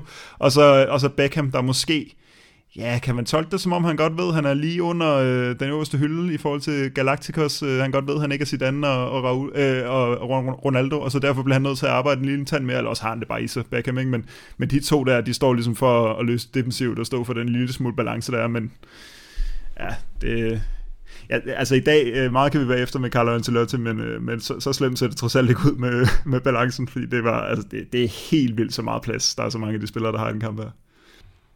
Men er der ikke en, en sandhed om det, jeg siger så, Niklas, om, om, om Gravesens tid i, i Real Madrid? Altså det her med, at den her kamp, den personificerede vel i virkeligheden, hvis man kan kalde det det, altså den utaknemmelige opgave, han var på, på den her sekser i Real Madrid, med de her offensive spillere foran sig. Det var jo et kaos, han skulle sammen, oh, det, var, det, sammen på. Det, det var egentlig meget sigende for perioden, ikke? at der overhovedet ikke var nogen hjælp. Øhm, og Gravesen selv er jo ikke, var jo ikke defensiv midtbanespiller i Everton, da han blev hentet til, men det skulle han bare have i Real Madrid, ikke? Jeg synes så faktisk, jeg synes, det siger man også i starten her, jeg synes, han spiller en god kamp. Øhm, igen, at det, det er også, altså, de gange, hvor jeg synes, Ronaldinho han sådan rigtig gået udenom ham, der begår han bare frispark. Altså, der er ikke så meget der. Så holder han fast i ham, eller lige ender, altså, der hvor han laver en tunnel på ham i første halvleg, øhm, jamen det er fint nok lavet tunnelen, men så stopper det også bare her, ikke? fordi så, så holder han bare fast i ham. Så kommer han ikke forbi. Altså, der er ikke så meget der. Det samme sker i anden halvleg, hvor Ronaldinho han også øh, har en dribletur på højre side. Så hiver han også bare fat i ham. Altså, han skal ikke forbi. Så sparker han ham bare ned. Jeg, altså, med, med, man, kan, man kan sige, med de, øh, de vilkår, han har i Gravesen der, så synes jeg, han er, han er faktisk en af de bedste for Real Madrid i den kamp der. En af de tre, fire bedste måske. Ja, klart, og jeg synes også, så jeg synes lidt, den har fået sit eget liv, den der med, at, at Gravesen han skulle være så dårlig Madrid, som de siger. Ikke? Det synes jeg altså ikke, han var. Sorry. Ja, der har fandme været mange spillere, der var markant dårligere. Jeg kan se Pablo Garcia, som jeg nævnte før, at han fik, hvad var det, jeg sagde, 17 gule kort i ligaen i denne sæson for, øh, for Osasuna på 29 kamp. Og så køber man ham om sommeren, mm. og det skulle jo surprise vise sig at være en fejl. Ja, ja det, der har været mange fejl på den her defensive midtbane, siden uh, Makalele og Casemiro uh, ja, kom til og blev den her store profil. Um, heldigvis lader det til, man, man er blevet bedre til at, at scout spillerne. Nu, nu har vi jo i, i nutiden øh, uh, Kammervinger og Chomini, der blandt andet kan, kan danse lidt på den plads, og Kroos til, til husbehov mod i mindre hold, så det er jo lidt sjovt at se, hvordan den udvikling også, øh, også har været der. Men øh, Niklas Raul, han får score til 3-1. Du, øh, jamen I begge to ikke. Jeg, jeg så ikke Carlsen lave et oplæg i den kamp her, men det gjorde I åbenbart. Jamen, der sker det, at øh, han modtager bolden på venstre side, Roberto Carlos, og så tager han bare et, et langt træk, ikke? Altså, det, og det er bare et langt træk. Jeg tror, at han, øh, jeg er der op til Xavi, er der 7, 7, 8, 9 meter op til ham, eller sådan noget lignende, da han bare prikker noget om ham, og så bare overhaler ham. Som det letteste i hele verden. Øh, og så finder, øh, finder Raul i feltet, øh, som har kæmpet sig tager foran Ole Gert og, øh, og sætter bolden i kassen. Og jeg mener, at han har fået øh, blevet beordret at fjerne for, forbinding på det her tidspunkt, Raul, så han bløder simpelthen fra, fra øjenbrynet. Og det er jo meget sigende om Raul i virkeligheden. Og lige efter bliver der jo flottet af. Og så også en, en, en sjov detalje der, det synes jeg, at Raul han har lige øh, gjort det til 3-1, og lige snart der bliver flottet af, så løber han ud i omklædningsrummet. Altså ikke noget med at slappe af nu. Han, han, han løber simpelthen ud, hvor de andre de tager det sådan lidt mere, når jeg, så er der pause, ikke? Der er Raul, han er, i sin en halvspurt derudad. Han, han, ja. Jeg synes, at øh, det, de første 10 minutter, synes jeg, han er meget markant i kampen, Raul, og så glider han lidt ud. Øhm, men indstillingen, den sidder altså, hvor den skal på ham i til sådan en kamp her. Ja, men du og mig efter vores øh, to baks i snakken, ikke mig efter, men undskyld, øh, kontrasterne mellem Roberto Carlos og Michel Salgado i kampen mod United, var, var de lige så var de lige så i øjnene faldende i den her kamp, du nævnte det her med, at Carlos, han var jo den, den offensive talisman, hvad kan man sige, af de to bakser, det giver jo sig selv, og Carvalho, han var sådan lidt mere den her leverpostejsfigur på en eller anden måde, for, at, for at skære det lidt ind til benet i virkeligheden. Øh, det jeg husker som din konklusion i, United-kampen, Niklas, du har lige en tilføjelse, inden Malte han kan få lov til at snakke om det. Nej, det var egentlig bare øh, en forlængelse måske af det Malte han vil sige, men men vi ser jo Roberto Carlos' øh, svagheder i anden halvleg i hvert fald, hvor at, øh, da Maxi Lopez han kommer ind, ikke, hvor han jo, han jo simpelthen begår et straffespark på, på Maxi Lopez, som ikke bliver dømt et kæmpe og torskedumt straffespark. Øhm, og så måske fem minutter senere, så laver han bare den samme model, bare ude på feltet, og det er så der, hvor Ronaldinho han scorer på frispark. Øh, så god offensiv, der altså i de her år, der, øh, der, der, der har han heller ikke så meget defensiv tankegang. Altså, Hvorimod at, at Salgado over en anden side, han ved jo godt, hvad han skal i den kamp. Der. Han skal jo passe på, på Ronaldinho, og, og ellers så får han hjælp af Beckham. Der, som, ja, jeg ved ikke, hvad han må løbe 15 km den kamp her han laver et stort arbejde. Men er det ikke også det, der var det smukke ved deres markedskab, kan man sige, kontra det, vi ser i dag for Real Madrid? Jeg ved godt, Marcelo og Cavaral havde det i deres storhedstid. Lidt det samme, kan man sige. Den samme dynamik, hvor Cavaral, han, jo, han var også mere offensivt, og han, han kunne måske også noget mere i sin, sin unge dag offensivt i virkeligheden, men måske også nogle lidt mere bundne øh, defensive pligter end Marcelo i virkeligheden, hvor det, det kan man jo se i sådan en kamp som den her, men Carlos han skal ligesom stå for lidt offensivt op, ikke lidt, øh, rigtig meget op af den her venstre kant, fordi Zidane han jo ikke har det, det brede, øh, brede udgangspunkt i hans position derude, og så har du Michel Salgado, som har de her tydelige defensive opgaver med at skulle ja, ja, passe nærmest på Ronaldinho, og Ja, den, den, den kan jeg lige have med. Den, den har vi jo ikke fået med endnu, hvor Michael Owen han på et eller andet tidspunkt i første halvleg midt, første halvleg også ned og lave en clearing i eget felt, fordi at Michel Salgado er op og, og, og stempler op på Ronaldinho, der så får lagt en aflevering ned mellem to Real Madrid-spillere, tror jeg, der hvor Michael Owen han får samlet den op og så ud til indkast. Altså, det var jo sådan noget, vi er ude i nogle gange, Malte, men jeg ved ikke om hvad... Jo, jeg er, jeg er selvfølgelig enig i, hvad, hvad I siger. Altså, jeg, jeg tror, jeg havde en lidt mere en... Øh så vidt jeg lige husker den der United-kamp, vi så, så tror jeg, jeg var lidt mere sådan skuffet. Altså, jeg, jeg synes, han var sådan lidt... Altså, det var sådan en kedelig kamp for Salgado. Den her kamp, der synes jeg jo, han spiller godt. Altså, af den grund, at det er meget tydeligt at se, hvad der han skal. Altså, han skal bare smadre op i Ronaldinho, hver eneste gang han kan komme til det, ikke? Og der er jo en, øh, der er også en situation i, i slutningen af kampen faktisk, hvor øh, Ronaldinho han lige pludselig får den ud til venstre over for Salgado. Og, og det er, altså, man kan se det, inden det sker. Man kan bare se, hvad der sker. Nu har Ronaldinho den for første gang i hele kampen på præcis den måde, han vil. Der er ikke flere end Salgado, han skal komme forbi. Og det er altså sådan noget, vi har lige siddet og set et øh, uh, klassiko for ikke så lang tid siden, hvor Vinicius står for øh, Araujo, øh, og ligesom har svært ved at komme forbi ham. Men Ronaldinho over for Salgado, der er ikke, altså det sker 10 ud af 10 gange, han sætter ham så nemt som altså noget som helst. Han, han løber bare, han laver to step overfender, så er han forbi ham, fordi han er så hurtig, ikke? og så sparker han på mål øh, med venstre benet, og så tager Casillas den så. Men, øh, men det er i hvert fald sådan, hvor man lige kan se, okay, der gik 88 minutter, men så lykkedes det også, så, kom han forbi, altså, så fik han den, som man gerne ville have den over for Salgado, og, og det vidner ligesom også om, at øh, det, det er blevet taget meget seriøst, at det ikke skulle ske alt for ofte, det her. Så øh, det, det er selvfølgelig, det, det er måske virkelig også en, øh, en, det her med, med det taktiske, som vi snakker om, det er måske lidt mere det der med, hvordan dækker man op for den enkelte spiller, altså præcis hvordan, øh, altså der, der har været fokus på, på Ronaldinho, jeg ved ikke, hvor meget der har været på, på et tog for eksempel, øhm, virkede ikke som om, der var nogen, der havde sådan synderlig bunden opgave. Måske var man også bare øh, travlt beskæftiget med at få Pavon til at spille en nogenlunde godkendt kamp, og så øh, kunne det ikke betale sig, at man skulle give ham sådan en øh, individuel opgave, men men øh, så på den måde, så, så, så ja, så skulle, så skulle øh, Salgado selvfølgelig heller ikke frem på samme måde. Og, og lidt som, øh, jeg, ser, jeg kan også godt se øh, sammenligning med Cabral. Altså Cabral synes jeg kunne mere offensivt. Altså han kunne ret meget offensivt egentlig i, jeg tror måske vi overvurderer, hvor mange år det egentlig var, han kunne det. Altså jeg tror i virkeligheden, det var måske to år, han kunne det. Øh, Cabral sådan for alvor. Øh, men når han kunne, så, så var han god både, både offensivt og defensivt, hvor det, øh, Marcelo og Roberto Carlos, de har simpelthen så meget spil i sig, at øh, det kan ikke rigtig betale sig at give dem offensive øh, eller defensive pligter på den måde, fordi de skal bare have lov at udfolde sig. Øh, og det, det synes jeg også, man ser med, med Roberto Carlos, som jo er sådan mere... Øh, han er jo venstrekant. Altså i mange af de her kampe, hvor vi ser Zidane som, øh, som, som startende venstrekant, eller, eller hvad det, hvordan det er, vi skal tolke ham øh, i den her kamp, så, så er det bare meningen, at, at Roberto Carlos skal tage det der all up konstant, og det kunne han stadig i en alder af 32.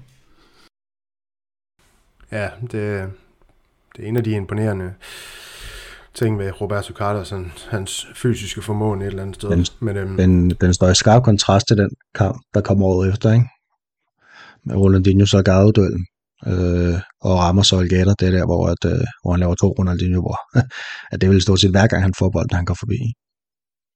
Og det er det, samme træner. Øhm, ja. Men en anderledes Ronaldinho. Rammer sig erstattet Pavoni i, i, centerforsvaret, eller så forsvar også det samme i den kamp. Ja. Men ja, altså vi går til pause med, med de her 3-1 og kommer ud, hvor jeg igen synes, at ja, en kamp, der, som du siger, Malte, altså det hele, det, det blænder lidt sammen, altså det her med, at den bølger mig frem og tilbage, og Casillas, han, han indleder den her anden halvleg med, at men i en stor fodbold har jeg noteret mig, det her med, at han er i gang med en, med en rigtig, rigtig stor kamp, Casillas faktisk. Han har, han har mange, også, også sidst i kampen, altså nogle, nogle redninger og fodparader, og lidt af hvert, hvor ja, han selvfølgelig sørger for, at det, det stadig er den her 4-2 eller 4-1, eller hvad det er på det tidspunkt. Men altså, hvordan, øh, hvordan oplever du det fra anden halvleg går i gang, og så frem til det 65. 20. Øh, minut? Jamen, jeg oplever det... Jeg har, jeg har ikke rigtig så meget andet at sige, end, øh, end som okay. jeg gør i første halvleg, lidt som du siger. Altså, jeg synes egentlig bare, det bølger, og jeg synes, det, det er stort set det samme kampbillede herfra til slut. Altså, med... Altså, det man kan sige, det er i hvert fald det her med, når, når Real Madrid, de vinder bolden. Altså, når, når Eto'o og, og Jolie og Ronaldinho buller derud af, og og, og, øhm, og prøve at skabe noget. Så hvis, øh, hvis Grausen, eller hvis en af de andre får fat i den, fordi altså Barcelona er også en del fejl, altså der, der bliver bare lavet mange fejl i forhold til, hvad vi ser i dag. Altså sådan nogle fejl, hvor man virkelig bliver sur øh, for at se sit hold lave, ikke? Øhm, så det er ikke noget med at lige at, at, at træde på bolden og lige spille sikkert. Ej, altså det er bare fuld smadret. Altså også selvom det er Roberto Carlos, eller hvorfor, hvorfor hedder han Roberto Carlos i dag i mit hoved? Også selvom øh, Thomas Grausen, han, øh, han får den, øh, på, på den defensive midt, så, er det, så er det simpelthen bare, øh, så, så skal vi afsted. Nu er alle Barcelona fremme, og så er det selvom, at, øh, at vi fører 3-1, så er det bare afsted med den bold, og så, bliver der, så sker der lidt i den samme anden ende, og så bølger det tilbage. Ikke? Så, og sådan synes jeg også, øh, at det bare foregår i anden halvleg, og man kan så sige, øh, frem til det 65. minut, som du nævnte, Daniel, hvor det, øh, Mike Owen havde scoret til 4-1. Den, den situation, den bliver skabt på præcis det, jeg sidder og nævner lige nu. Ikke? Altså totalt klumpspil på midten, hvor det ene hold får den, og den anden hold får den, og så... Øh, så får Real Madrid vundet den. Jeg kan ikke lige huske, om der vinder den, men den øh, rører i hvert fald over til, det er nok i virkeligheden Helge der, der vinder øh, bolden. Øh, spiller også en meget hissig kamp, apropos øh, Salgado, så Helge han er også god til at være aggressiv. Øh, han vinder den, så rører den over til, til David Beckham, der øh, lynhurtigt kigger op, og så bare smider en drømmebold i dybden til Michael Owen, der har taget løbet for tusinde gang. Ikke? Altså der bliver også lavet mange øh, løb, fordi at Altså en ting er balancen, altså en anden ting er, er offside-linjerne, det noterede mig også, de, de er jo helt væk. Altså øh, der er ikke, altså de der, øh, det er meget sjældent at blive holdt sådan en meget stram linje, øh, og det er også derfor, at Mike Lowen, han bare med sådan et øh, tværgående løb, bare kan løbe i, i dybden der. Øh, og jo, altså en drømmebold, altså man kan bare se det i de langsomme gengivelser, hvordan den der bold, den skruer baglæns, så det ligesom skal tage det der stus, når den rammer, på, rammer jorden, og lige øh, ligge fuldstændig perfekt i, i Michael Owens løbbane, så den ikke rører for langt frem, og så han bare lige kan tage et træk eller to, eller hvad, det, hvad han tager, og så sparker han bare ind, ikke? Øh, men, men som jo bliver skabt på lidt af det samme, altså sådan noget, altså et godt løb, en god bold, øh, vind bolden, og så bare direkte spil. Altså det er utroligt direkte, øh, den måde Real Madrid spiller på. Øh, altså man, man frister jo næsten til at sige, at det, det er Guardiolas skyld, at det ikke er sådan længere, fordi øh, det er lidt det, jeg forbinder det med, ikke? at så, så skaber Guardiola noget, øh, altså nogle år senere skaber noget tiki-taka fodbold, og så har, har, øh, har hold rundt omkring i verden til en vis grad øh, taget noget af det til sig. Ikke? Altså selv Real Madrid er jo mere øh, positions, eller hvad hedder sådan, possession-minded, øh, end de var på det her tidspunkt i hvert fald. Det er meget tydeligt. Ja, vi så den her kamp med spanske kommentatorer på, på det link, vi øh, ja, øh, havde til rådighed og, og, og kunne se hele kampen. Men, men ser man highlights på engelsk på YouTube, så vil man vide, det øh, kommentatoren oversat til dansk siger, når nogen scorer, så vinder Real Madrid. Og det var så også det, Real Madrid de, de gjorde i den her, her kamp. Niklas, men som du også har været inde på, så skulle der pyntes på resultatet. Ja, jeg mener jo, jeg mener faktisk, det, det er det næste angreb i kampen, lige efter Mike Owen har scoret, at uh, Roberto Carlos han begår det her uh, straffespark, der aldrig bliver dømt. Um, hvor han fuldstændig tåbeligt går i anklerne på, uh, på Maxi Lopez, og så går der lige...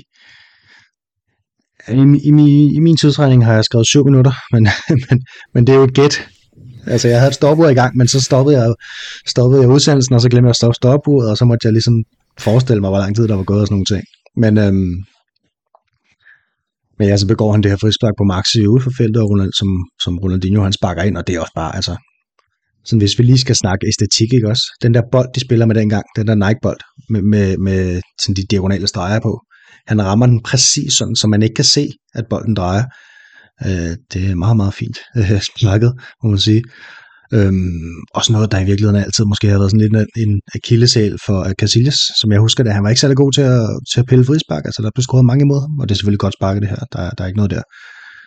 Øhm, men det er jo også et mål, der gør, at Barcelona ligesom, de sørger for, at Real Madrid ikke er bedre indbyrdes end Barcelona er, fordi Barcelona har vundet den første kamp med 3-0. Øhm, og med det her mål, der, der sikrer Barcelona sig jo ligesom et, et halvt point i sådan slutstilling, så det var faktisk et vigtigt mål for Barcelona, øh, selvom det er bare til 4-2. De havde vel udbanemålet? Ja, det havde de vel, men, men ligesom for at sikre den, ikke? Altså, at man kunne gå op og lave et til. Ja, det er det. Ja, og det der var med Ronaldinho dengang, og sådan, jeg husker ham, det var jo det her med straffespark, frispark, altså, det var jo for fanden nærmest det samme for ham, altså, de, de, endte, de endte i målet, øh, de her situationer for ham. Især frispark i de der gunstige positioner. Altså det var over muren, eller en enkelt gang eller to under muren også. så han, han kunne sgu lidt af det hele, den her showman på, på fodboldbanen. Men øh, altså, jeg har ikke så mange mere notater, for igen, efter, efter det her mål, der bliver det igen bare sådan en kamp, der er frem og tilbage.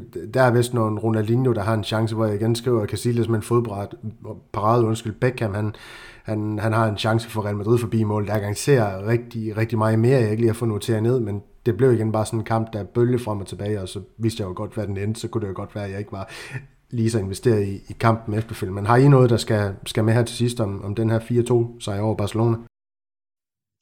Øh, vi kan jo nævne, at i to han bliver skadet. Han udgår med en skade og bliver båret på banen med, med hænderne i ansigtet her lidt sådan fem minutter efter målet cirka. Øhm, og det kan jo komme til at betyde noget fremadrettet, fordi på det her tidspunkt, der, der tager man lidt om øhm, nede i Spanien, om Barcelona var ved at få lidt gummiben. Øhm, og det ligner en skade, der skulle holde ham ude i, i minimum 10 dage, og Puyol havde vist også fået karantæne i den her kamp, og i forvejen, der var det altså ret hårdt ramt af skader. De havde... Øh, øh, Deko, han var heller ikke med her, han havde spillet stort set alle kampene. Øh, Henrik Larsson var blevet langtidsskadet, han, han havde været, var skadet fra november til maj. Ed Milson var skadet fra oktober til maj. Gabri, øh, højrebakken, han var skadet fra september til maj. Øh, så det var hårdt ramt, og Real Madrid havde momentum, men, men de svarede så godt igen Barcelona, fordi at de, fik, øh, ja, de fik jo næsten lige så mange point som Real Madrid i de sidste syv kampe. Real Madrid vandt øh, fem og spillede to uafgjort, mener jeg, og Barcelona vandt fire og spillede tre uafgjort. Øhm, så det endte jo med, at, at, at Barcelona vandt med fire point. Øh, men de havde heller ikke været sådan super godt kørende i forvejen. De har kun vundet tre af de foregående syv kampe, og, og resten var så en uafgjort, så det var jo ikke et hold, der tabte særlig mange kampe, men, men der var for mange kampe, de ikke vandt på det her tidspunkt, til at de sådan kunne se sig fri for, at Real Madrid kunne ende med at blive en trussel for dem. Men, øh, men, men det blev aldrig rigtig sådan super tæt. Nej, det, det gjorde det ikke. Og jeg synes egentlig bare, at vi skal, vi skal slutte øh, snakken om den her kamp på det, og så synes jeg, vi skal hoppe i tidsmaskinen i 2005 og så frem til 2023. Der er jo det her retur-opgør i Copa del Rey, hvor Barcelona de, de fører 1-0 fra Santiago Bernabeu. Vi skal til, nu skal jeg jo gøre Jesper glad, og så kalde det Spotify uh, Camp Nou, og, og spille en, uh, spille en returkamp. Jeg tror faktisk, Jesper har droppet Camp Nou fuldstændig. Det ja, det er bare Spotify, Spotify hos Jesper. Ja, ja. Nå, jeg startede Spotify, men det, så lad os gøre det for at gøre det ind mere lækkert for gammelfar, men Malte, hvor store er chancerne for, at nutidens Real Madrid-hold, de laver en 2005 og vinder 4-2, dog på udebane i stedet for hjemmebane over Barcelona. Det, altså, det er der ikke ret stor sandsynlighed for, synes jeg. jeg. Jeg, jeg ved, jeg har siddet nogle gange på den her podcast, og så fordi vi er en Real Madrid-podcast, så bliver jeg nødt til at være en lille smule mere optimistisk. Det kan jeg huske, da vi, øh, da vi lavede optag til den første, så øh, sagde jeg 2-1, og øh, det var en dag en lille smule, der, det var det faktisk, fordi jeg hed den lidt op, i forhold til, hvad jeg sådan lidt havde forventet, og så tabte vi jo 1-0 og, øh, og nu har vi lige tabt øh, igen. Så jeg kan ikke sidde og sige til mig selv, at øh, jeg kan ikke sidde... Altså nu siger jeg bare, hvad jeg føler. Jeg tror, jeg tror bare, at vi taber igen. Altså så... Øh, det kan godt være, at Barcelona scorer to, men øh, Real Madrid scorer altså ikke fire. Det tror jeg simpelthen ikke på. Og så øh, lad mig gerne blive positivt overrasket. Vælger du... Øh, du samme indstilling, skulle jeg næsten til at kalde det, som, øh, som Malte Niklas? Eller tror du egentlig på Real Madrid? Jeg vil ikke engang kalde det et mirakel, fordi et eller andet sted, så burde vi jo kunne slå det her. Det har vi sagt tusind gange, men det kan vi så bare ikke alligevel. Men altså, vi burde jo kunne slå det her bare som man skal. Og også gå videre til finalen i Copa del Rey. Ja, det skulle man tro. men, øh, men det kan vi jo ikke. Øhm, og altså, ja, jeg ved ikke, hvis man skal forestille at være et rationelt tænkende menneske, så, så kan det jo være svært at forestille sig, at, at, at Carlo Ancelotti lige pludselig over natten er blevet så klog, at han kan sætte det her Barcelona-hold til vægs. Øhm, åh, jeg synes også, chancen er lille. Altså, jeg kan sagtens se, at den bliver tæt, og jeg kan også godt se en uafgjort. Øhm, og det er jo ikke fordi, det er jo ikke, det, det vil ikke være verdens største sensation, hvis vi vinder, men, øhm, men Barcelona må nok påtage sig favoritværdigheden. Trods alt. Sådan baseret på alt, hvad vi har set i sæsonen, ikke?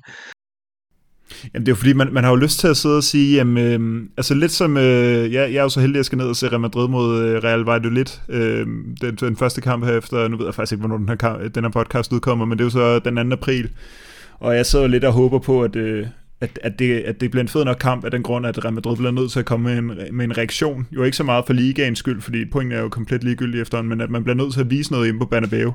Og lidt den samme følelse kunne jeg godt have. Altså, eller vil jeg, altså det vil være mit rationale, hvis jeg skulle prøve at tænke positivt, så er det, Jamen Real Madrid bliver jo nødt til, altså især fordi nu, at, øh, at ligaen er, er, er fuldstændig væk. Det var den ligesom ikke med den første Copa del Rey, der var det, det, var det, det var en ting, man skulle kæmpe om, og en anden ting også ligaen. Nu er ligaen helt væk. Altså, det må give det ekstra incitament til ligesom at gå ud og sige, nu skal vi vinde over det her Barcelona-hold. Men den synes jeg bare heller ikke rigtig går, fordi da vi tabte på hjemmebane til dem øh, i det første opgør, det var efter, vi havde tabt i den, i, øh, i den spanske Supercup-final. Og så tabte vi Gud hjælpe mig igen. Altså det, som, som jeg også nævnte på en anden podcast, altså der, der er ikke rigtig flere forskellige måder, som Ancelotti kan få, finde ud af at få sit hold til at tabe på. Altså, øhm, han har prøvet ydmygelsen, han har prøvet hjemmebanen, han har prøvet finalen, han har prøvet udbanen, han har prøvet det hele efterhånden. Men, øh, men jeg, kunne, jeg kunne trods alt godt... Øh, altså nærmest sådan, øh, hvis, hvis spillerne trodsede Ancelottis ro, hvis han går rundt og bare fortæller dem, at nu skal de bare være tålmodige og stille sig tilbage og vente. Altså at, at spillerne så... Øh, ligesom når, når Ancelotti han tager sin tyggegummi og går ud på, på stadion, så tager de alle sammen hinanden i hånden, og så danser de en dans, og så siger de, øh, nu, nu, nu smadrer vi det her Barcelona-hold fuldstændig sønder sammen, og nu går vi ud med, med ild i øjnene og, øh, og hævner de tre gange, vi allerede har taget. Altså, vi, vi kan simpelthen ikke tabe fire gange på fire måneder til Barcelona. Altså, det, det dur ikke. Det, det, kan, det tror jeg simpelthen ikke, jeg har brugt før. Altså, øh, jeg kan huske dengang, at der var de der fire klassikos, de meget mytiske klassikos der, fire gange på to uger, eller hvad det var, under Mourinho og Guardiola. Det var jo ikke en succeshistorie for os som sådan, men altså, jeg, jeg kan huske, at jeg virkelig frygtede, at nu bliver vi bare smadret fire gange. Altså, fordi vi ligesom havde det der 5-0 nederlag i bagagen, ikke? Som, øh, som, som vi ligesom havde lidt tidligere. Og, og vi ryger også ud af Champions League. Øhm, men den ene kamp taber vi, den anden kamp spiller vi uafgjort, så der slap vi ligesom for at tabe. Så vinder vi jo Copa del Rey-finalen 1-0. Og så på den måde endte det faktisk med ikke at være sådan helt så katastrofalt i virkeligheden, faktisk. Altså fordi vi får jo en titel ud af det, og så kan det godt være, at vi taber et par stykker, og det ene uafgjort, vi får, det kan vi ikke rigtig bruge til noget, fordi vi er alligevel røde i Champions League. Men fire nederlag her i 2023, altså det er jo fuldstændig katastrofalt. Altså det er jo katastrofalt. Og, og stadig med det en mente, at, øh, at det er dårligere Barcelona-hold, fordi jeg synes, du har ret, Daniel. Altså hvis vi bare ser, hvis vi skræller alt fra, fortid, de sidste, den sidste periode, og det hele og det hele, ikke? Jamen så, så ja, så bliver der stadig sige, at vi skal da kunne slå det her Barcelona-hold, også på udbanen. Altså når vi bare kigger på materialet og sådan, men ja, jeg må blive positivt overrasket den her omgang, fordi jeg tør simpelthen ikke, øh, tør ikke rigtig andet efterhånden. Nej, og positivt overrasket, det håber jeg også, at øh, I bliver derude lytter over øh, den her snak, vi har haft i dag. Jeg ved ikke, om Malte og Niklas, de fik skabt noget optimisme frem mod den her Copa del Rey-kamp, som ja, snakken om det, det her, den her historiske kamp, det ligesom var en optakt til, men øh, lad os håbe, vi, vi blev positivt overrasket, der var ikke så meget andet at sige til det, og vil I have mere af den her slags indhold, så har vi jo den her mobile paybox, det, nummer det er 1630WV, hvis man har lyst til at støtte vores projekt økonomisk. Jeg har ikke mere for den her gang. Vi, øh, vi, vi, vi høres ved på et eller andet tidspunkt. Hala Madrid. Y nada más.